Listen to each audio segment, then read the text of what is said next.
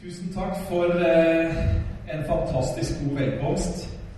Jeg har lyst til også å si det at eh, vi kjente den vel velkomsten veldig varm da vi kom tilbake til eh, Tønsberg og kom tilbake til menigheten. Det var allikevel litt rart når noen som jeg ikke kjente, møtte meg eh, og Julie ute i foajeen og ønska oss varmt velkommen til denne menigheten. Og vi er så glad for at dere er her. og Du verden, Her er det nye mennesker som føler at de faktisk eh, er denne menigheten, og det er et fantastisk godt utgangspunkt. Eh, takk også, Frode, for eh, gode ord. Takk for at jeg får lov til å bruke denne anledningen til å dele Guds ord sammen med dere. Det er fantastisk å kunne dele Guds ord. Pappas ord vet du, til barna, det gjør noe med dem. Lille Emily på snart eh, ett og et halvt år, hvis jeg begynner på sånne regler 'Å, så fin du er. Å, så flink du er. Å, så stor jente du er.' Så stiger hele den der lille jenta opp, og til slutt så klarer jeg liksom ikke å stå stille av begeistring for alt det positive. Og sånn er det med Guds ord også.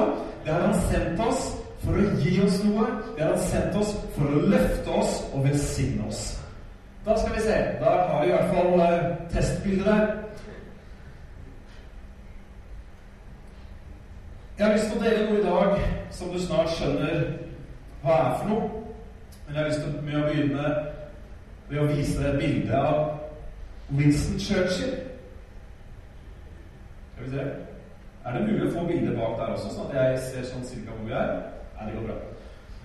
Eh, under den andre verdenskrig, når eh, slaget om Europa sto, og England kjempa mot Hitlers krigsmaskin, så ble Winston Churchill spurt Hvilken taktikk skal dere bruke for å vinne? Hva er det dere skal gjøre for at England skal vinne fram? Så svarer Winston Churchill vi skal vinne med det som alltid har vært Englands sterkeste våpen håpet. Under slavetiden så kjenner vi til at slavene de hadde for vane å synge det som vi refererer til som negro spirituals. Mange av sangene var lavmælte. Mange ganger fikk de ikke lov til å synge. Men veldig mange slavedrivere tillot også slavene å holde de her lave, numne sangene gående når de skulle ta i ekstra for å bryte stein eller flytte store, tunge trær. Hva var det sangene handla om? For det utrente øret så kunne det høres ut som bare sanger om å komme hjem eller om å flykte, eller om å holde ut. Men sangene hadde en dobbel betydning. Sangene inneholdt et sterkt budskap om håpet de hadde som troende. Tenk på noen av de tekstene. We shall overcome. De visste at de gikk rett mot døden. Også, også de som ikke bare jobba eh, som slaver på plantasje osv., men de som var fanger, de som jobba i lenker, gikk og sang mens lenkene var på. When the saints go marching in. Oh Lord, I want to be in that number. De hadde håpet levende. Så lenge man har håp, så kan vi jobbe videre. Så lenge vi har håp, så vil moralen den vil styrkes. Vi kjemper, vi prøver. Og det gir faktisk, sånn som det ga slavene ny energi og nye krefter, så gir det oss som troende ny energi og nye krefter.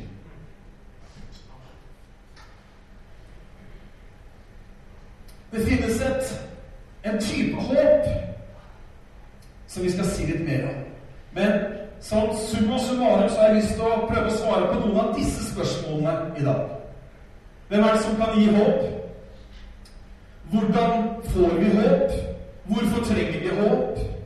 Hva er det som gir håp? Og når kommer håpet? Det motsatte av håp er håpløshet. Mennesker, de håper. Har du møtt noen av de i køen foran uh, lottoskranken? 37 millioner i potten i dag.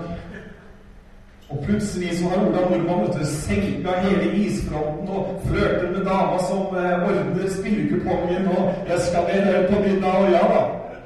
Litt sånn ansporing av håp. Det er fint, ikke sant? Jeg håper på det beste, er et velbrukt, slitt uttrykk i det norske språket. Jeg håper det går bra sier vi andre ganger, og i stemmen så hører man en tydelig usikkerhet rundt utfallet av situasjonen. Vi håper at vi skal lykkes i livet. Er det mikrofonen? Vi håper at vi skal lykkes i livet. Vi håper at vi skal holdes borte fra sykdom, og vi håper at ulykken ikke skal ramme oss. Vi håper at vi skal finne den rette, og vi håper at vi skal leve lykkelig alle våre livs dager. Håp det kan bety så mye for ulike mennesker. Og noen ganger så kan håpet virke som en slags passiv tilstand. Som noe vi håper at skal slå til. Det dreier seg egentlig kanskje mer om en slags ønsketenkning. En drøm, et romantisk bilde, en eller annen fantastisk forestilling kan gå i grus. Falle i grus ganske lett. Men slapp av, jeg har ikke stilt meg her i dag for å si at håpet ikke er viktig, for det er det faktisk. Håpet er utrolig viktig for oss. Og jeg har lyst til å snakke i dag om et håp som du og jeg virkelig trenger. Og det er det håpet Paulus sier det håpet som evangeliet gir. Vi snakker om Guds håp. Gud, han gir håp.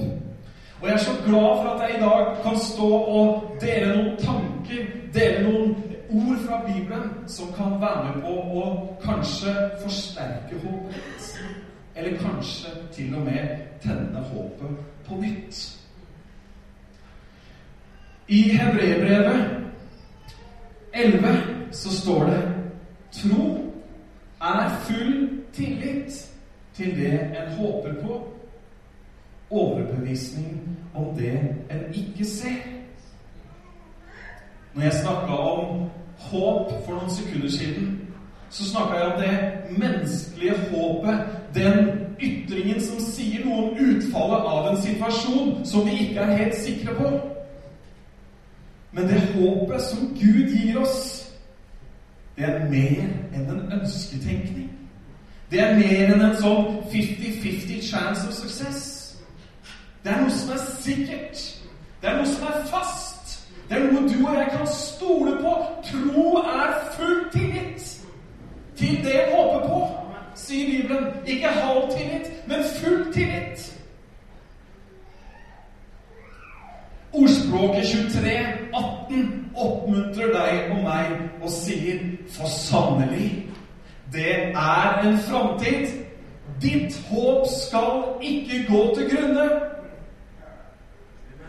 Ja, men jeg har noen håp som ikke slo til. Jeg har, noen ønsketenkninger som er blitt så plassert at jeg er ikke i stand til å finne dem lenger. Jeg har noen drømmebilder som er så langt bak i hjernebarken at jeg vet ikke om verken bilder, film eller å møte mennesker fra fortiden kan være i stand til å bringe det tilbake. Det er ikke det håpet jeg snakker om. Men jeg snakker om det håpet som Gud har gitt hver den som tror. I Hebreerne 10,23 så står det noe annet. Kommer det en herlig oppfordring til oss som troende. La oss uten å vakle holde fast på bekjennelsen av vårt håp, for Han som ga løftet, er trofast. La oss holde fast på bekjennelsen av håpet vårt. Hva er bekjennelse? Jo, det er å si, det er å uttale, det er å sette ord på med ordene vi har i vår makt, og med det livet vi lever. Så jeg har lyst til å komme med en oppmuntring til deg, og jeg oppmuntrer meg sjøl med det samme. Jeg holder fast på håpet. Jeg bekjenner håpet. Det bør være et sånt ja-men i alle oss troende. Ofte så beskrives livet rundt oss med ikke så positive ord. Når vi ser på nyheter, når vi hører historier, når vi møter mennesker, så er det utrolig mye negativt man får rapport om. Er du enig i det? Noen dager så føler jeg at jeg vasser i negativitet. Og jeg noen ganger har tenkt i dag skal jeg bare si positive ting og glemme alt det negative, for det er så mye av det. Og det må være en sånn ja-men-innstilling i oss. Vi hører om noe, et eller annet. Ja, men Gud. Ja, men løftene. Ja, men himmelen. Ja, men Guds ord sier jo Fordi at vi skal holde fast på bekjennelsen av vårt håp. Hold fast på det! Betyr at du ikke skal gi slipp på det.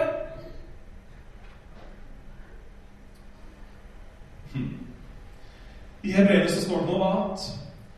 Vi som har søkt tilflukt ved å gripe det håpet som er satt foran oss Dette håpet har vi som et anker for sjelen, sikkert og fast, som går inn til det indre innenfor forhenget dit Jesus gikk som en forløper for oss, og han er blitt ypperste prest til evig tid etter Melkisedeks ordning. Hvis du er våken, Jack, så beveger jeg meg nå med mikrofonen, så ikke det blir sånne høye lyder. Vi er jo i sjøfartsby nummer én. Jeg har med noe her i dag. Skal vi se om vi får logistikken til å virke. Ser dere hva det her er for noe? Du må reise dere og se, da, dere som sitter inne og ser framover. Det er mer enn et tau. Og i enden av tauet så er det et det er en dregg, da, men vi sier at det er et anker. Jeg prøvde å ta meg den dreggen som ligger akkurat ved kanalbrua, men jeg klarte ikke å få med på sykkelen. Dette håpet har vi som et anker for sjelen. Hva er håpet, folkens? Hva er det vi håper på? En evighet med Gud. Evig frelse. Frihet fra all sykdom. Frihet fra alt som plager. En evighet med Gud. Fylde av herlighet. Vet du, Jeg har ikke menneskelige ord for å beskrive det håpet som du og jeg har som troende. Derfor så bare prøver jeg her i dag. Og vet du hva det håpet om det som skal skje, det som ligger foran oss, det er så sterkt at det er som et anker for sjelen vår. Hva gjør sjelen vår? Tankene våre, viljen vår, følelsene våre spiller oss et puss. Lurer oss. Får oss til å tenke det, tenke det, tenke det. Da er håpet vi har et anker for sjelen som holder oss fast. Og vet du hvor det ankeret her har sitt feste? Det har sitt feste i Jesu fullbrakte verk. Det har sitt feste i hans trone, om du vil, i himmelen. Det sitter fast inni det aller helligste, i hva Gud har gjort. Det er det håpet forfatteren av Hebreerbrevet snakker om når han sier dette håpet. Det er som et anker for sjelen. Vi trenger ikke å ha en sånn oppi opp med hånda-bekjennelse, men jeg trenger i alle fall et anker for min sjel. Så kan du avgjøre hvorvidt du trenger det. Jeg trenger det støtt og stadig. I Jeremia 29,11 så står det et kraftfullt vers. For jeg vet Det er Herren som sier dette. For jeg vet hvilke tanker jeg tenker om dere. Tanker til fred og ikke til noe vondt. Jeg vil gi dere framtid og håp. Gud vil at det er én ting som skal prege hans folk her på jorda. Framtidstro. Håp. Det er ikke over. Det nytter. Ja, det er tøft, men det er ikke slutt. Yes. Framtid og håp. Første Peter 1.3 sier Lovet være Gud vår Herre Jesu Kristi Far, han som etter sin rike miskunn har gjenfødt oss til et levende håp. Se på den. Til et levende håp ved Jesu Kristi oppstandelse fra de døde. For et uttrykk! Til et levende håp. Vi er født på ny fordi at vi skal ha et håp som er levende. Det er akkurat det motsatte av vanlig religiøs virksomhet. Vi er gjenfødt til et levende håp. Hallo, folkens! Håpet har ikke gått ut på dato. Håpet er ikke dødt. Håpet ligger ikke i respirator, selv om noen kan føle det sånn av og til. Håpet er levende. Det lever uansett hva vi måtte føle og oppleve og beskrive med våre ord. Så er håpet levende. Ankeret har sitt feste. Det vakler ikke. Det gir ikke etter. Halleluja. Litt seinere i første Peter blir det mange bibelvers her. Men du skjønner, Bibelen sier tingene så mye bedre enn meg, så derfor så dekker jeg liksom opp mangelfull ordleggingsevne med bibellesning. Der står det i vers 13 litt lenger ut i første Peter Bind derfor opp om deres sinns hofter. Den kan du få på en sånn onsdagsundervisning vi skal ha neste år. Vær edrue og sett deres håp Hør! Vær edrue og sett deres håp fullt og helt til den nåde som skal bli gitt dere ved Jesu Kristi åpenbarelse. Sett håpet ditt fullt og helt. Ikke stykkevis og delt, men fullt og helt. Her kommer det til. I vers 21 så står det Dere som ved, ved ham tror på Gud, som oppreiste ham fra de døde, slik at deres håp er rettet mot Gud. Det er viktig hvor vi retter håpet vårt hen. Vi kan rette det mange steder. Hm. Det gjelder å være litt våken. Hvem er det jeg har satt håpet mitt til, da? Hvem er det egentlig jeg stoler på? Er det Nav? De har mye bra, de. Er det, er det egne gjerninger kanskje jeg har satt håpet mitt til? Mine egne prestasjoner? Altså alt står og beror på hva jeg klarer å gjøre. Man ligger som man reder, osv. Er, er det det du har satt håpet ditt til? Kanskje har satt håpet til menighetsledelsen? Da har det kommet et tak opp. I forhold til det jeg akkurat sa. Det er bra, altså. Da, da begynner det å hjelpe. Eller kanskje du har satt ditt håp til en eller annen apostel for denne delen av verden? Eller kanskje du har satt håpet ditt til naboens velvilje og farsarven? Sett håpet ditt fullt og helt til Gud. Fullt og helt til hva Han har forberedt, slik at deres håp er rettet mot Gud. Man kan håpe på så mye. Du skjønner at Guds inngripen, Guds handling, Guds aksjon i våre liv, den er verken naturlig eller normal. Den er ikke det. Det er helt unaturlig at livet kommer tilbake til noe som er dødt. Ikke sant? Jesus døde, men sto opp igjen. Helt unaturlig. Det er helt unaturlig også i forhold til vår fysiske verden, den som vi ser og føler og hører og, og er en del av, at mørkets, helvetes destruktive krefter bøyes i kne.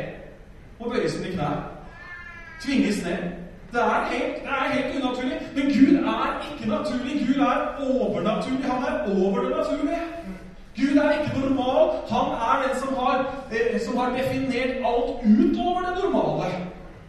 Det er han vi faktisk setter vår håp til. Oppstandelse er ikke noe som vi kan regne med. Du får ikke sånn årsak-virkning-ligning når du ser på oppstandelsen. Ja, sånn og sånn, og da måtte det skje fram. Glem det! Det er mange som har prøvd.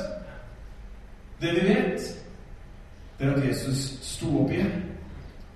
Og på samme måte som oppstandelse er Vi kan si at det er noe som kommer til oss fra framtiden. Så gjør også alt sant håp det. Vet du hva, Ofte så tenker vi at håp det er noe som vi disponerer. Det er noe som vi kan bruke eller skru av eller på. Det er noe vi har, eller noe vi ikke har. Men det gjelder ikke håpet som kommer fra Gud. Det kan aldri vi bestemme reglene for. Det er for kraftig til det. Det er for solid. Det er grunnfestet. Det er, det er helt, det er gjennomført. Det er fullbrakt. Håpet som kommer fra Gud. Hvordan får vi håp? I Romerbrevet 4 så står det om denne karen. Jeg visste ikke før jeg søkte på Google, at de tok bilder av Abraham, faktisk. Fantastisk hva som finnes av bilder der, altså. Fant Paulus òg. Bare se. Det er fantastisk hva som finnes, altså. I alle fall altså, er det noen som sier at dette er Paulus Nei, eh, Abraham. Du skjønner, han karen her Og nå fikk jeg bare med meg søndagens eh, preken forrige uke sånn delvis fordi jeg drev med noe ungdomsstys, men jeg tror kanskje at det var kommet til det kapittelet her. Stemmer det? Ja, Så hvis jeg repeterer noe, så unnskylder jeg ikke det. Abraham, troens far. Du skjønte, tro og håp det har noe med hverandre å gjøre. Vi leste jo det i Hebreerne 11.1, ikke sant? At tro er overbevisning om det en håper på. Og så skriver Paulus i første Korinterbrev så blir de da stående disse tre tro, håp og kjærlighet. ikke sant? Men her står det Abraham. Vi kjenner historien. Han skulle bli far til mange. Det så meg ikke sånn ut når han kikka seg i speilet. I kapittel 4, vers 18, så står det Da alt håp var ute, trodde han med håp at han skulle bli far til mange folkeslag etter det som var blitt sagt, slik skal det ett bli. Han ble ikke svak i troen og var ikke opptatt av sitt legeme, som allerede var utlevd siden han var snart var 100 år. Heller ikke var han opptatt av eh, Saras døde mors liv. Han tvilte ikke i vantro på Guds løfte, men ble styrket i troen i det han ga Gud ære, og han var helt overbevist om at det han hadde lovt, det var han også i stand til å gjøre. Det er jo en helt rå historie. Tenk deg Abraham var på 100 år som går ned til vannet om morgenen, for det gjorde sikkert alltid. Og det var stille denne morgenen. Det var helt speilblankt.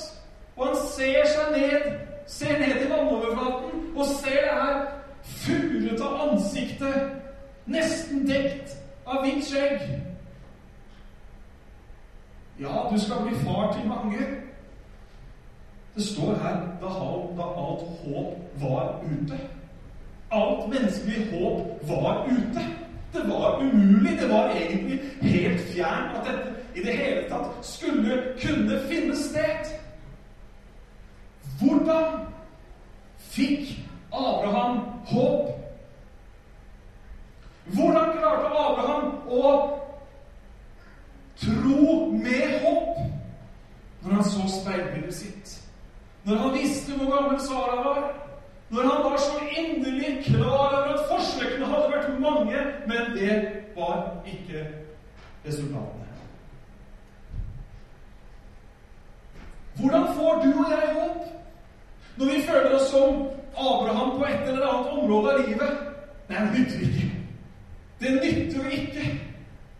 Ja, altså, hallo, vi har prøvd. Vi, vi har bedt før. Noen som har Tenkt det, i hvert fall. Jeg har sagt noe, jeg. Ja, men jeg har jo bedt før. Gud, han er den samme. Vet du hva jeg tror er nøkkelen? Hvordan får vi håp? Det var helt tydelig at det var én ting som påvirka Abraham kraftig. Gud hadde sagt det. Omstendighetene stemte ikke, speilbildet stemte ikke, men Gud hadde sagt det! Den overbevisningen gjorde Abraham i stand til å legge bort det menneskelige håpet Det står her da alt håp var ute, og ta fram håpet rettet mot. Her er en annen versjon av Abraham. Ser dere ham? Egentlig så er det Noah i en sånn Noahs ark har hjemme, men han er Abraham for denne gangens skyld.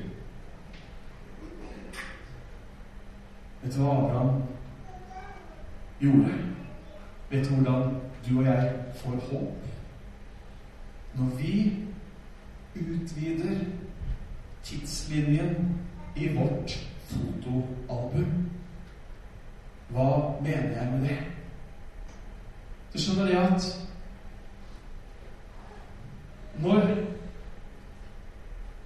jeg ser Jeg har sånn fotoalbum som mamma laget da jeg var liten. Jeg tror ikke det er helt ferdig nå, men det er nesten ferdig fall. Men de første årene de er godt dekka. 12. august 1973, 8 minutter over 8 på Vestfold sentralsykehus. Og etter statistikken så er jeg vel ca. til 2050 eller noe sånt. Blir ikke det? Jo, rundt der. Da er jeg over.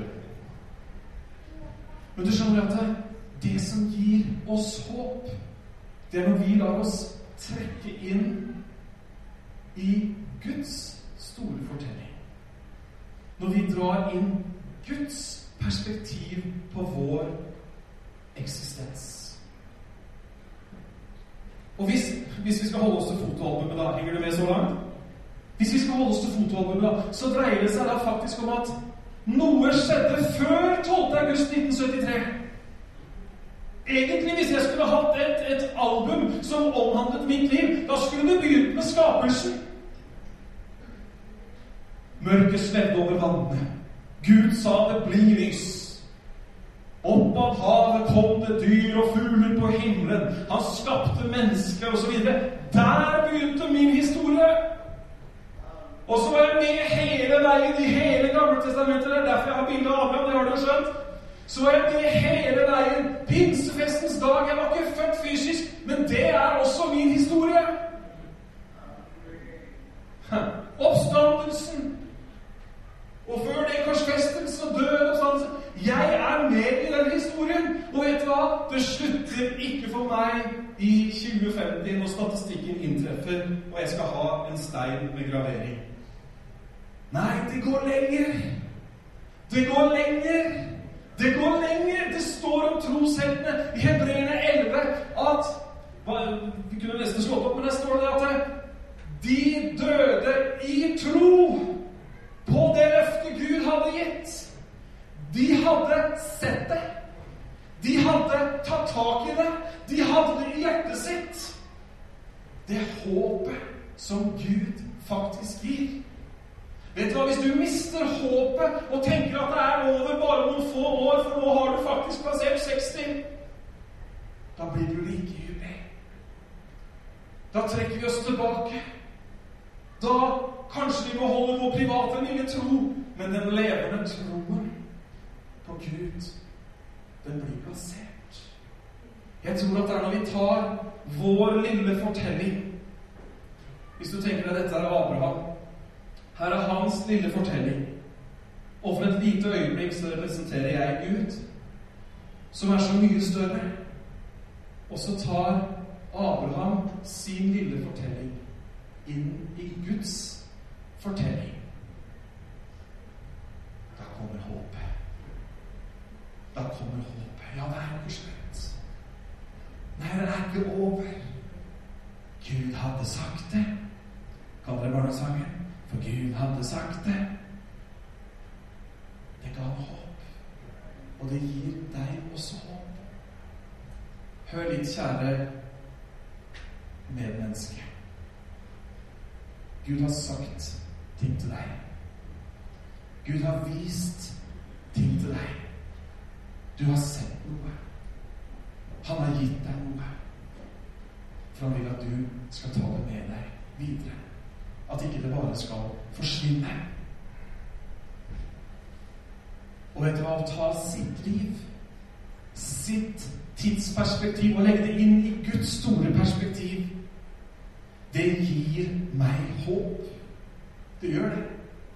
Når håpløsheten treffer meg, så gir det meg håp å tenke at det er noe mer. Jeg skal jo faktisk til himmelen. Det gjør noe med motløsheten og meningsløsheten. Og livet mitt får mening. skjønner at vårt håp, det består ikke av at vi har Jesus som en sånn lykkeamulett eller en pyntegjenstand i vitrineskapet. Nei, håpet, det som vi har, det hindrer oss faktisk i å klynge fast til det vi har. Det snarere skyver oss fram opp til å ta et skritt ut i tro, ut fra det trygge og inn i det ukjente, og stole på Gud. Jeg skal veldig snart slutte, og jeg har lyst til å slutte med et bibelvers som har betydd masse for meg. Du finner det også i Romerbrevet, så det kommer vel da om noen uker igjen. Men håpets Gud skal fylle dere med all glede og fred i troen. Hm. Her kalles han til og med håpets Gud, vet du. Håpets Gud! Han skal fylle dere med all fred og glede i troen, så dere kan ha overflod av håp ved Den hellige ånds kraft. Er ikke det et deilig uttrykk? Overflod av håp. Hvis det er overflod av noe, da er det så mye at du har mer enn det du trenger. Så mye at du kan gi også håp til andre. Ikke litt grann håp.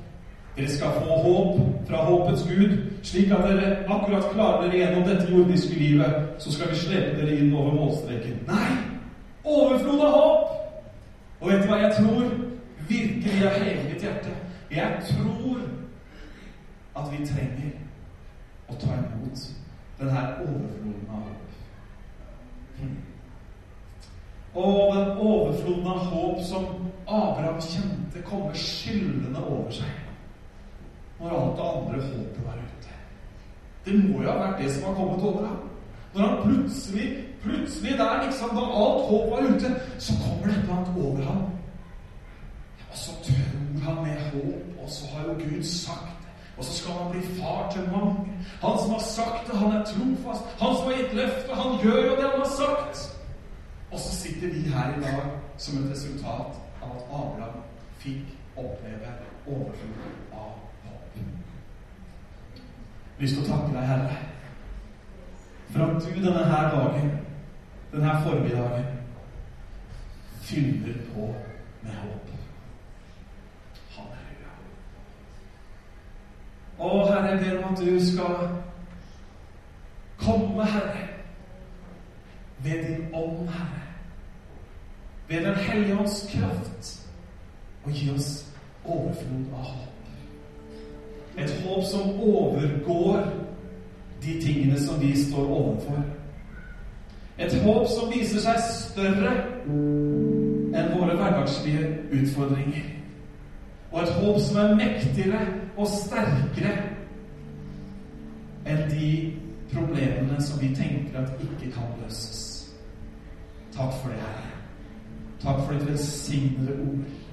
Takk for ditt budskap. Takk at du har frelst oss til et evig liv med deg, Herre. Halleluja. Takk at vi kan gripe det. Takk at du lar oss få se det. Halleluja.